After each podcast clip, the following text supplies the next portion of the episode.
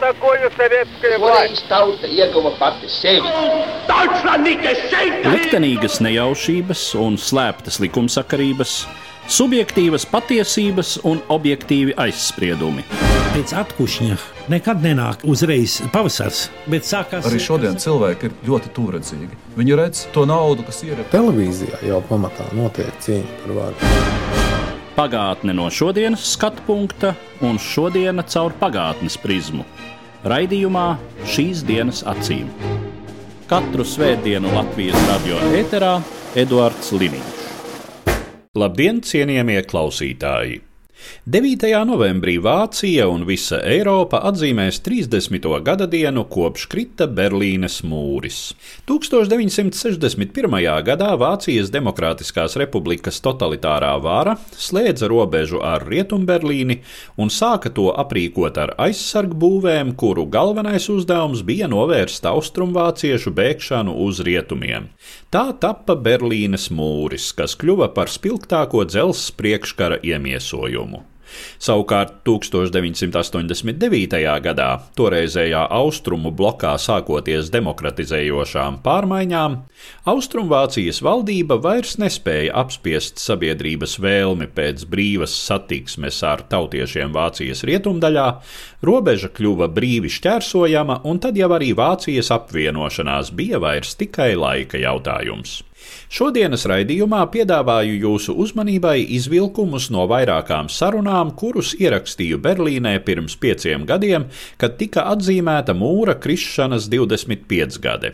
Vispirms dzirdēsiet Berlīnes Hohenschenhausenes štāzī cietuma muzeja direktora Huberta Knābes vēstījumu par Berlīnes mūra tapšanu un pastāvēšanu. So and because it was, as we call it in Germany, a kind of election by feet. So that meant that uh, a lot of people decided to prefer to live in a Western society than in a communist society. And this was very easy to realize in Germany because uh, you could take uh, the underground and then you had been in Western Berlin and from Western Berlin you could go to Western Germany. So To ir ļoti viegli izskaidrot. Tas notika tāpēc, ka notika, kā mēs Vācijā to saucam, balsošana ar kājām. Tas nozīmē, ka daudzi izšķīrās par labu rietumu, nevis komunistiskajai sabiedrībai. Vācijā šī izvēle bija ļoti vienkārša. Jūs varējāt iekāpt metro un nokļūt Rietumu Berlīnē, no kurienes tālāk doties uz Rietumu Vāciju. Bija ļoti viegli izvēlēties, vai palikt komunistu valstī vai doties uz demokrātisku valsti. Bija ļoti daudz to, kuri pameta Austrumvāciju, atstādami šeit savas darba vietas, savas mājas vai dzīvokļus, bieži arī savas ģimenes. Sevišķi šī kustība pieauga 50. gadu beigās, pieauga spriedze starp Austrumvāciju un Rietumvāciju, jo padomju līderis Hruščovs vēlējās atraut Rietumu Berlīnu no rietumu sistēmas un padarīt to par kādu neitrālu apgabalu. Visiem bija skaidrs, ja tas notiktu, tas arī izbeigtu šo iespēju atstāt padomju zonu caur Rietumu Berlīni. Tātad 50. gadu beigās uz rietumiem aizbēgušo skaits pieauga tik tālu, ka tika pieņemts lēmums šo emigrāciju pārtraukt, uzceļot Berlīnas mūri. They started with uh, blocking the streets without using stones or some kind of wall, only by a wire. Uh, they hindered the people to cross uh, the streets from the eastern part of Berlin to the western part of Berlin. And it was not really clear at the beginning if um, it would be accepted also by the western allies because they were in West Berlin and they had the right to go also to the eastern part of Berlin. So Sākotnēji jau netika celtas mūra sienas, ielas, kuras veda no Austrum Berlīnas uz Rietum Berlīni, vienkārši tika bloķētas lietojot dzeloņu stiepļu aizsprostus. Nebija arī skaidrs, vai šāda mūra celtniecību akceptēs rietumu sabiedrotie, kuru spēki bija izvietot Rietum Berlīnē. Saskaņā ar vienošanos viņiem bija tiesības pārvietoties arī uz Austrum Berlīni. Teorētiski viņi varēja ar tankiem vienkārši pārbraukt šiem aizsprostiem pāri, tomēr tā nenotika. Viņi savā ziņā akceptēja šo Berlīnas sadalīšanu. Dzeloņdrāšu aizžogojumi palika savā vietā, tad pēc kāda laika Austrumvācijas vadītāji sāka būvēt jau fundamentālākus mūra norobežojumus. Šī laika runās parādījās izteicieni par to, ka akmeni pēc akmens mēs ceļam šo mūri. Savas pastāvēšanas laikā mūris piedzīvoja diezgan biežas pārmaiņas, jo komunistu vadība centās to padarīt arvien efektīvāku, arvien modernāku, tāpēc savas pastāvēšanas beigās tā bija betona konstrukcija ar īpašiem stiprinājuma elementiem, lai to nevarētu caursist pat ar smago automašīnu. Faktiski jau bija pat divi mūri, kas sadalīja Berlīni. Viens gar robežas austrumu malu, otrs gar rietumu. Pa vidu bija izveidota ļoti izvērsta drošības sistēma - signalizācijas stieples, barjeras, kameras, Tā nebija tikai siena, tas bija robežas režīms, kas pakāpeniski pilnveidojās un pastāvēja arī plāni tālākai modernizācijai līdz 2000. gadam projektu tā arī nosauca - Mūris 2000. At the beginning, people tried to cross over these very um, provisoric uh, barriers. Um, it was not so difficult at the beginning, for example. To jump out of your window in your house and uh, landing on the western sidewalks. That was uh, done in this time. Uh, some people were seriously injured already because of that. Some people died also. Sākotnēji cilvēki mēģināja šķērsot šīs ļoti provizoriskās barjeras. Sākumā tas nebija grūti, piemēram, dažu vietu bija iespēja izkāpt pat dzīvokļu logu un nolaisties rietumu pusē.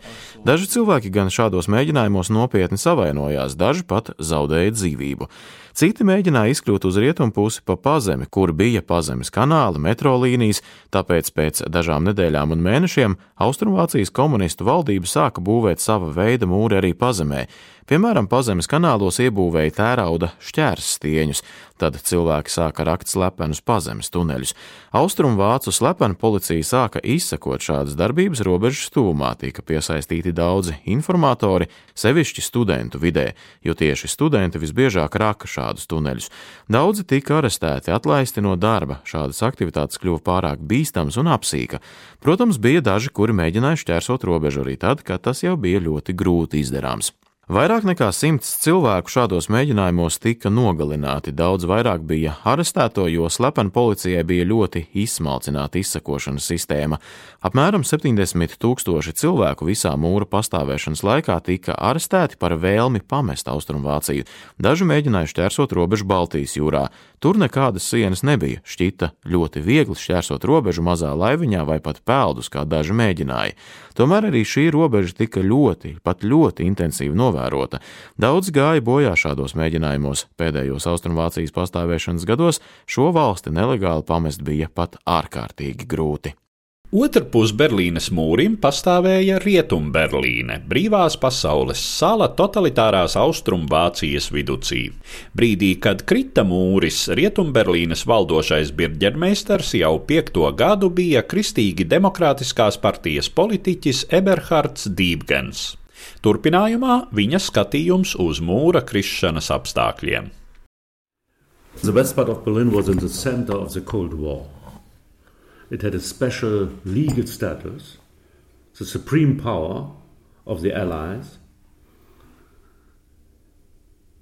For the west part of the city, the Western Allies, but it was a four power status. So there was a rest of responsibility of the Soviet Union too.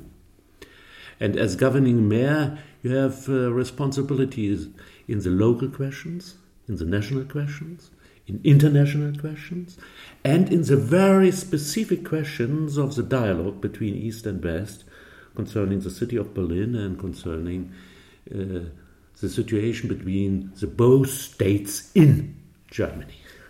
That was the fascination of this function, much more than the fascination of a prime minister, for example, in Bavaria or otherwise. And um, just to give you an example, I have to visit, and I was guest in the Oval Office in the White House much more often than the foreign minister of the Federal Republic of Germany. Rietumberlīne atradās augstā kara centrā. Tai bija īpašs tiesiskais status. Augstākā vara tajā piederēja Otrā pasaules kara sabiedrotajām valstīm. Pilsētas rietumdaļā tie bija rietumu sabiedrotie, bet pavisam jau bija četras sabiedroto varas, un vienā daļā Berlīnes atbildība piekrita Padomju Savienībai. Un kā valdošajam birģermeistaram jums bija atbildība par vietējiem jautājumiem, par nacionāla līmeņa jautājumiem un starptautiska līmeņa jautājumiem, un arī par rietumu un austrumu dialogu dažos ļoti specifiskos aspektos, kas saistījās ar sadalītās Berlīnes un divu vācu valstu situāciju. Tas padarīja šo funkciju tik fascinējošu, daudz fascinējošāku nekā, teiksim, Bavārijas premjerministra amats. Kā viens piemērs, es biju viesis Baltā nama ovālajā kabinetā daudz biežāk nekā Vācijas Federatīvās Republikas ārlietu ministrs. In the West, you have much more development in the direction that they accept more and more the division of Germany And, uh... Rietumos bija notikusi daudz būtiskāka attīstība sadalītās Vācijas arvien noteiktākas akceptēšanas un abu sistēmu sadarbības virzienā. Bija izveidots pamats idejai, ka tā otra puse ir jāpieņem. Mana pozīcija bija: mums jāpanāk daudzi risinājumi cilvēku labā, ekonomiskos jautājumos un tam līdzīgi, bet ir jāsaglabā iespēja izbeigt sadalītību. Tāda bija mana politiskā ideja, taču rietumiem tā nebija tipiska. Un, ja jūs atceraties to Ronalda Reigana slaveno runu pie Brandenburgas vārtiem, kurā viņš teica: Mr. Gorbačov, novāciet to mūri, tad šī runa bija pretēja tā laika garam. Un tajā pašā laikā, kad viņš teica šo runu, Vācijā notika daudzas pret Reiganu vērstas demonstrācijas. Un Reigana komandas dalībnieki un tie, kuri šo runu rakstīja, zināja teikt, ka, sakot, novāciet mūri, Reigans ne tikai vērsās pret Gorbačovu, bet ka viņš gribēja atrast jaunu kopīgu pozīciju ar saviem sabiedrotajiem, jo viņu biedēja viņu sabiedroto gatavība akceptēt padomju savienību un visu, kas ar to saistījās. That, uh, Reagan argued not only against Gorbachev, tear down the wall. But at the same time, he wanted to uh, to argue and to find uh, new positions his, with his allies, because he thought he was afraid that the Allies accept Soviet Union and all that. I think I think very important for the year 89 was the development not only in Germany. Yes, of course, we have a lot of groups, first very small, then they grow up more and more, but it was a development in uh, most of the Eastern European countries. And uh, step by step they work together with Hungary, Es domāju, 1989. gadā ļoti nozīmīgi bija arī notikumi ārpus Vācijas. Jā, mums, protams, bija daudz aktīvistu grupu. Sākumā mazas, vēlāk tās sāka augt ar vien plašākas, taču svarīga bija attīstība visās Austrum Eiropas valstīs. Soli pa solim tās veidoja kopīgu darbu. Ungārija, Polija, Čehoslovākija. Daļa no VDR pastāvošās opozīcijas vēlējās pamainīt sociālisma sistēmu, padarīt to humānāku, pat ne līdz tādam līmenim, kas atbilst mūsu šī brīža priekšstatam par demokrātiju. Nomainīt šo vecišķo vadoņu sistēmu VDR. Un otra daļa - tie bija tie, kuri vienkārši devās prom no valsts, caur Prāgu, caur Ungāriju un tā tālāk. Bet tādējādi sistēma tika stipri destabilizēta. Mans redzējums, un arī tas, ko es sapratu no sarunām, piemēram, ar tā brīža Ungārijas komunistu partijas līderiem, tendence ir nelietot varmācību pārmaiņu procesu ietekmēšanai. Bet tikai ar varmācību to visu vēl varēja ietekmēt. Un es biju ļoti nobažījies, vai Padomju Savienība pieņems izmaiņas savā starptautiskās politikas paradigmā, kas bija pastāvējusi vairāk nekā 300 gadu. Jūsu valsts jau arī bija daļa no šīs attīstības. Vai ir iespējams, ka Padomju Savienība aizies no VDR, izvedīs savus 400 tūkstošus karavīru? Attīstoties demokrātiskajai kustībai Polijā, ar šiem karavīriem VDR viņiem bija iespēja iejaukties Polijas notikumos. Bez šiem karavīriem viņiem tādas iespējas nebija. Tas mani tobrīd biedēja, bet es biju pārliecināts, ka pastāvošajā sistēmā, esošajā ekonomiskajā, cilvēktiesību un citās situācijās palikt vairs nevarēja. Tā ka Es biju drošs, ka pārmaiņas būs, bet nebūtu nebiju drošs, ka tās būs tādas, kādas notika līdz ar 9. novembri. Tā bija ļoti laimīga sagadīšanās.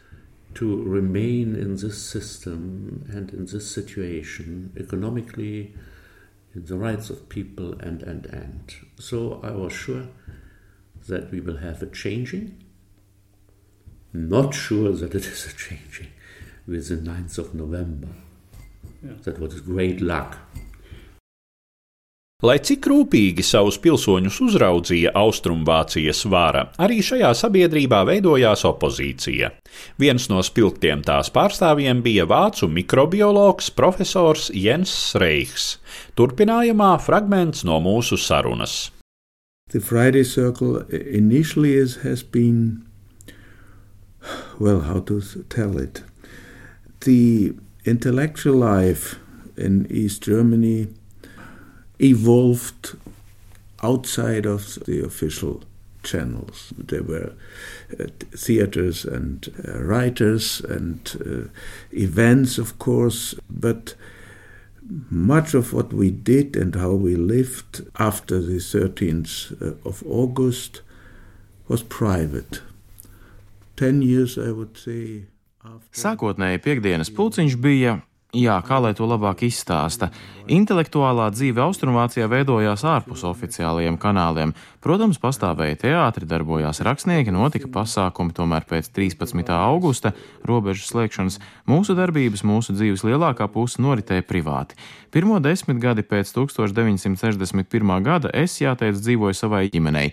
Mums bija trīs bērni, un mēs ar sievu darījām visu, lai radītu ap mums noteiktu nišu, kurā mēs dzīvojām un centāmies attīstīt kādu neatkarīgu intelektuālu pozīciju.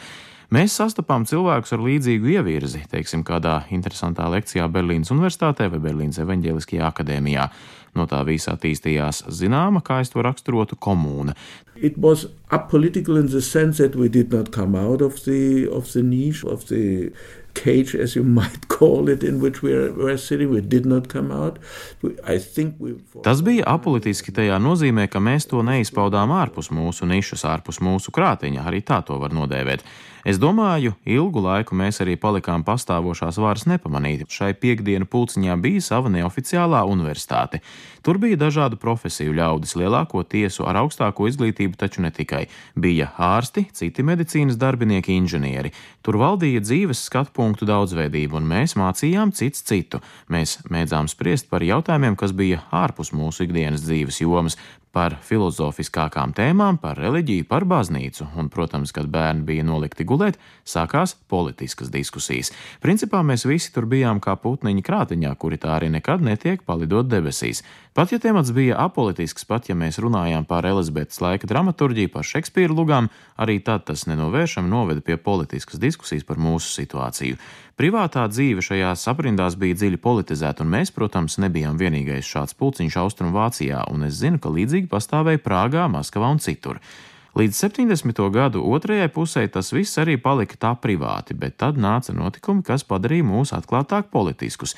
Ļoti liels iespējas bija solidarnošķu kustībai Polijā, katrā ziņā manā gadījumā. Es esmu mikrobiologs, toreiz strādāju Zinātņu akadēmijā, un mums bija kopīgi projekti ar Zinātņu akadēmijām citās padomju bloka valstīs - Prāgā, Varšavā, Maskavā.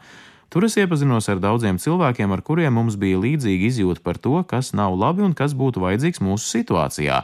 Bet jo sevišķi solidarnošķi ļaudis es pazinu daudzus viņu redzamākos aktīvistus, tam bija vairāki iemesli. Pirmkārt, solidarnošķi pirmajā desmitgadē, 70. tās aktīvisti vēl varēja diezgan brīvi ceļot uz rietumiem.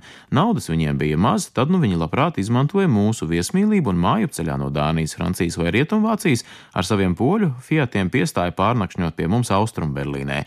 Notika jaukas pasēdēšanas, alaži risinājās sarunas, un, protams, tas pievērsa mums drošības dienestu uzmanību. Viņi ātri vien noskaidroja, ka mēs te kalpojam par tādu kā neoficiālu hostelu šiem ceļotājiem.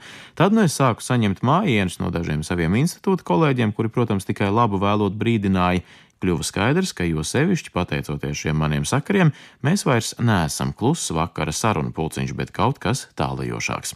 Tā nu mēs pāraugām politiskā pagrīdes grupā, kas vairs īpaši nekonspirējās. So we grew into some sort of political underground group, which no longer was in conspiracy. we saw, uh, of course, as everybody has seen at, at the time uh, when being politically active, you saw the signs, you got hints from superiors, you saw the car, the van which was parking when we had our lecture uh, at, at, in the private home, then, then regularly there was something that. Ik viens, kurš tolaik uzsāka šādu politisku darbību, drīz manīja režīmu uzmanības apliecinājumus.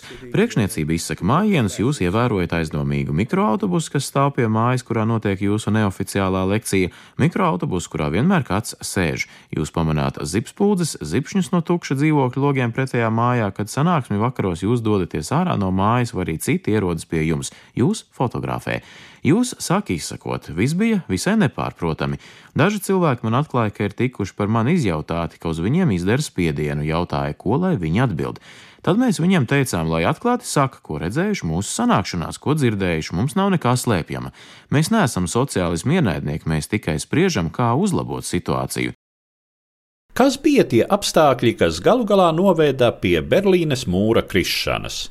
Par to Berlīnes Brīvās Universitātes pētnieks, vēstures zinātņu doktors Johans Štāts. What was important for the European development around East Germany, I think, is uh, the development in Poland in the early 80s when Solidarność came up and uh, the crisis in Poland. Um, led to uh, military government there. And, uh, well Manuprāt, visnozīmīgākā Eiropas procesos, kas risinājās ap Austrumvāciju, bija attīstība Polijā 80. gadu sākumā, kad strauji izvērtās plašumā kustības solidaritāte un krīze Polijā noveda pie militāra režīma izveidošanās. Tas, protams, tika labi pamanīts Vācijas Demokrātiskajā republikā, un daudzi šeit simpatizēja solidaritātei. Tā pašreizējais federālais komisārs Štāzija arhīvu jautājumos Rolands Jāns braukāja pa jēnu ar solidaritātes karodziņu pie velosipēda, par ko nonāca cietumā un vēlāk tika izraidīts no valsts. Tā tad bija daudz signālu, ka ir cilvēki, kuri nepiekrīt VDR režīma politikai attiecībā pret polijas krīzi. Režīms pastiprināja kontroli, un no štāzī dokumentiem mēs šodien redzam, ka kopš polijas notikumiem 80. gadu sākumā štāzī parādās vēl viena fronte. Pret polijas pilsoņiem, sevišķi poļu žurnālistiem, kur ieradās VDR, Štazī tagad izturējās gluži tāpat kā pret rietumu žurnālistiem. Tas bija sākums pārmaiņām Austrumvācijā.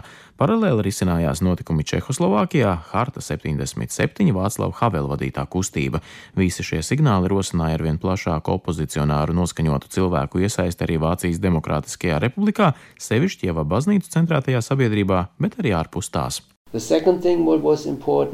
Poland uh, had to declare that they were not anymore able to pay their debts on the international bank um, organizations, and the GDR was shortly before that. Vēl viens nozīmīgs aspekts bija tas, ka Polijai nācās atzīt, tā vairs nespēja pildīt kredītsaistības pret starptautiskajām banku organizācijām, un Vācijas Demokrātiskā republika arī atradās šādas situācijas priekšvakarā. Šajā laikā pieauga saspīlējums sakarā ar ASV pēršņu kodola raķešu izvietošanu Rietumvācijā. VDR valdība pat sāka paust, kā sākoties augstais karš, ka tagad mums būšot robeža raķetēm abās pusēs bet Francijas, Itālijas, Šveices un Lielbritānijas bankas vairs nevēlējās dot viņiem kredītus. Šajā situācijā Rietumvācija piešķīra Austrumvācijai miljārdu dolāru lielu aizdevumu. Bez tam Austrumvācija pastāvīgi palielināja īres maksu par šoseis starp Rietumberlīnu un Rietumvāciju izmantošanu apmēram par miljonu marku katru gadu. Rietumvācijas pusē par kredītu bija atbildīgs Hans Jozefs Strauss, kurš līdz tam bija bijis viens no austrumvācu propagandas nīstākajiem rietumu politiķiem, savukārt par kara ministru un tam līdzīgi.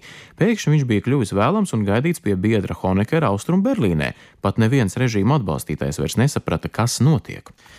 Tā kā jau pirms Gorbačova nākšanas pie varas daudz kas bija mainījies, tad nāca Gorbačovs, nāca Perestroika un Glasnest, un cilvēki Austrumvācijā sekoja tam, kas notiek Padomju Savienībā.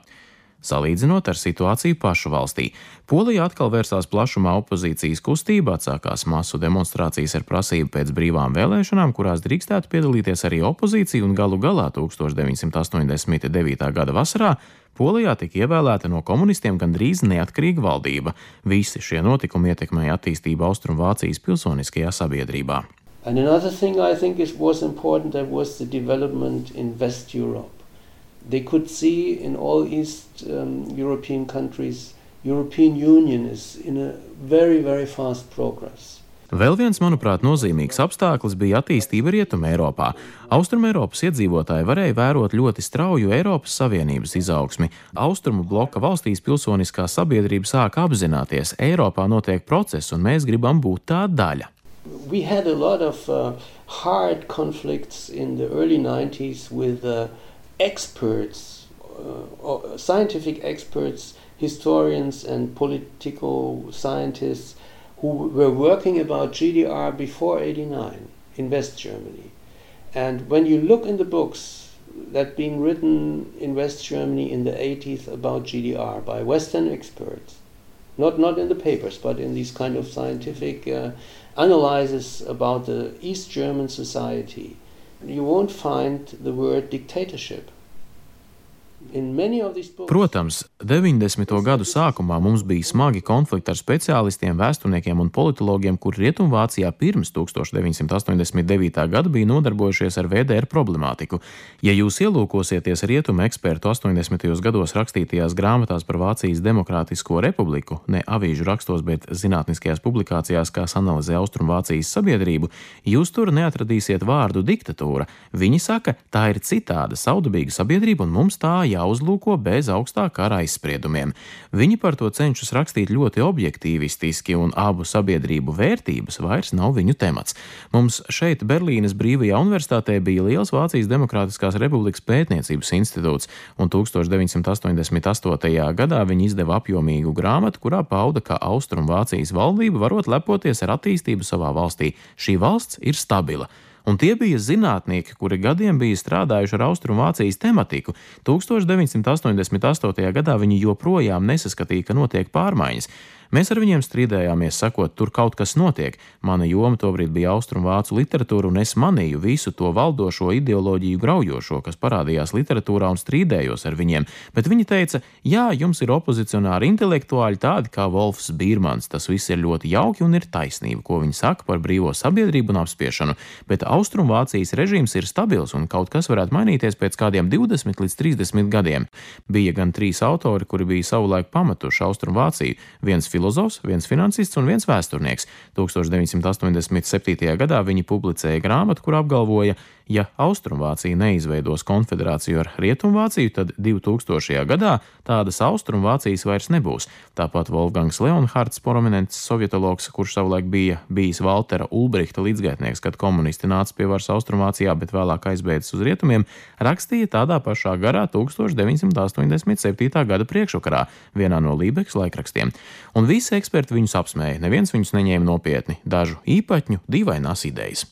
There was a lot of people uh, in West Germany who were not interested in what happens in East Germany. I think the main part of the generation of the people between 20 and 30 who, who never uh, had uh, experience with East Germany, and a lot of experts and journalists who always were uh, thinking don't we don't want to have trouble by writing things uh, uh, Tas jums jāpatur prātā. Rietumvācijā bija daudzi, kurus neinteresēja Austrumvācijā notiekošais. Es domāju, tāda bija lielākā daļa ļaužu vecumā starp 20 un 30, kuriem nekad nebija bijusi nekāda saskara ar Austrumvāciju, un ļoti daudz ekspertu un žurnālistu, kur uzskatīja, neradīsim sev liekas nepatikšanas, rakstot ko tādu, kas var būt nepieņemams Austrumvācijas valdībai. Uzturēsim attiecības, kas ļauj neatgriezties pie augstākā kara. The main signal for the normal average people in East Germany, when they saw what was going on, what was possible, and for the situation when all these people went on the streets and started demonstration, it was very important that there were all these signals. The Soviet army will not intervene in the conflict in between the people and the government in East Germany. Vienkāršajiem ļaudīm Austrumvācijā nozīmīgākais signāls, kas viņus izved ielās, bija tas, ka padomju armija neiejauksies sabiedrības konfliktā ar VDR vadību. Demonstrantu masām 1989. gadā bija ļoti svarīgi dzirdēt Gorbačovu teikto: Katrai valstī jāatrod pašai savs ceļš, mēs neiejauksimies ar savu armiju. Līdz ar to izskan raidījums, kas bija veltīts Berlīnes mūra tapšanai, pastāvēšanai un krišanai pirms 30 gadiem. Raidījumā dzirdējāt bijušo Rietumberlīnes valdošo birģermeistaru Eberhardu Dībgenu, Berlīnes Hohenšenhausenas štāzī cietuma muzeja direktoru Hubertu Knābi, kādreizējo Austrumvācijas disidentu un vienu no 1989. gada pārmaiņu kustības līderiem mikrobiologu profesoru Jensu Reihu un Berlīnes Brīvās Universitātes pētnieku vēsturnieku Johenu Štātu. Uz redzēšanos, cienījamie klausītāji! Katru svētdienu Latvijas radio viens par pagātni sarunājas Eduards Liniņš.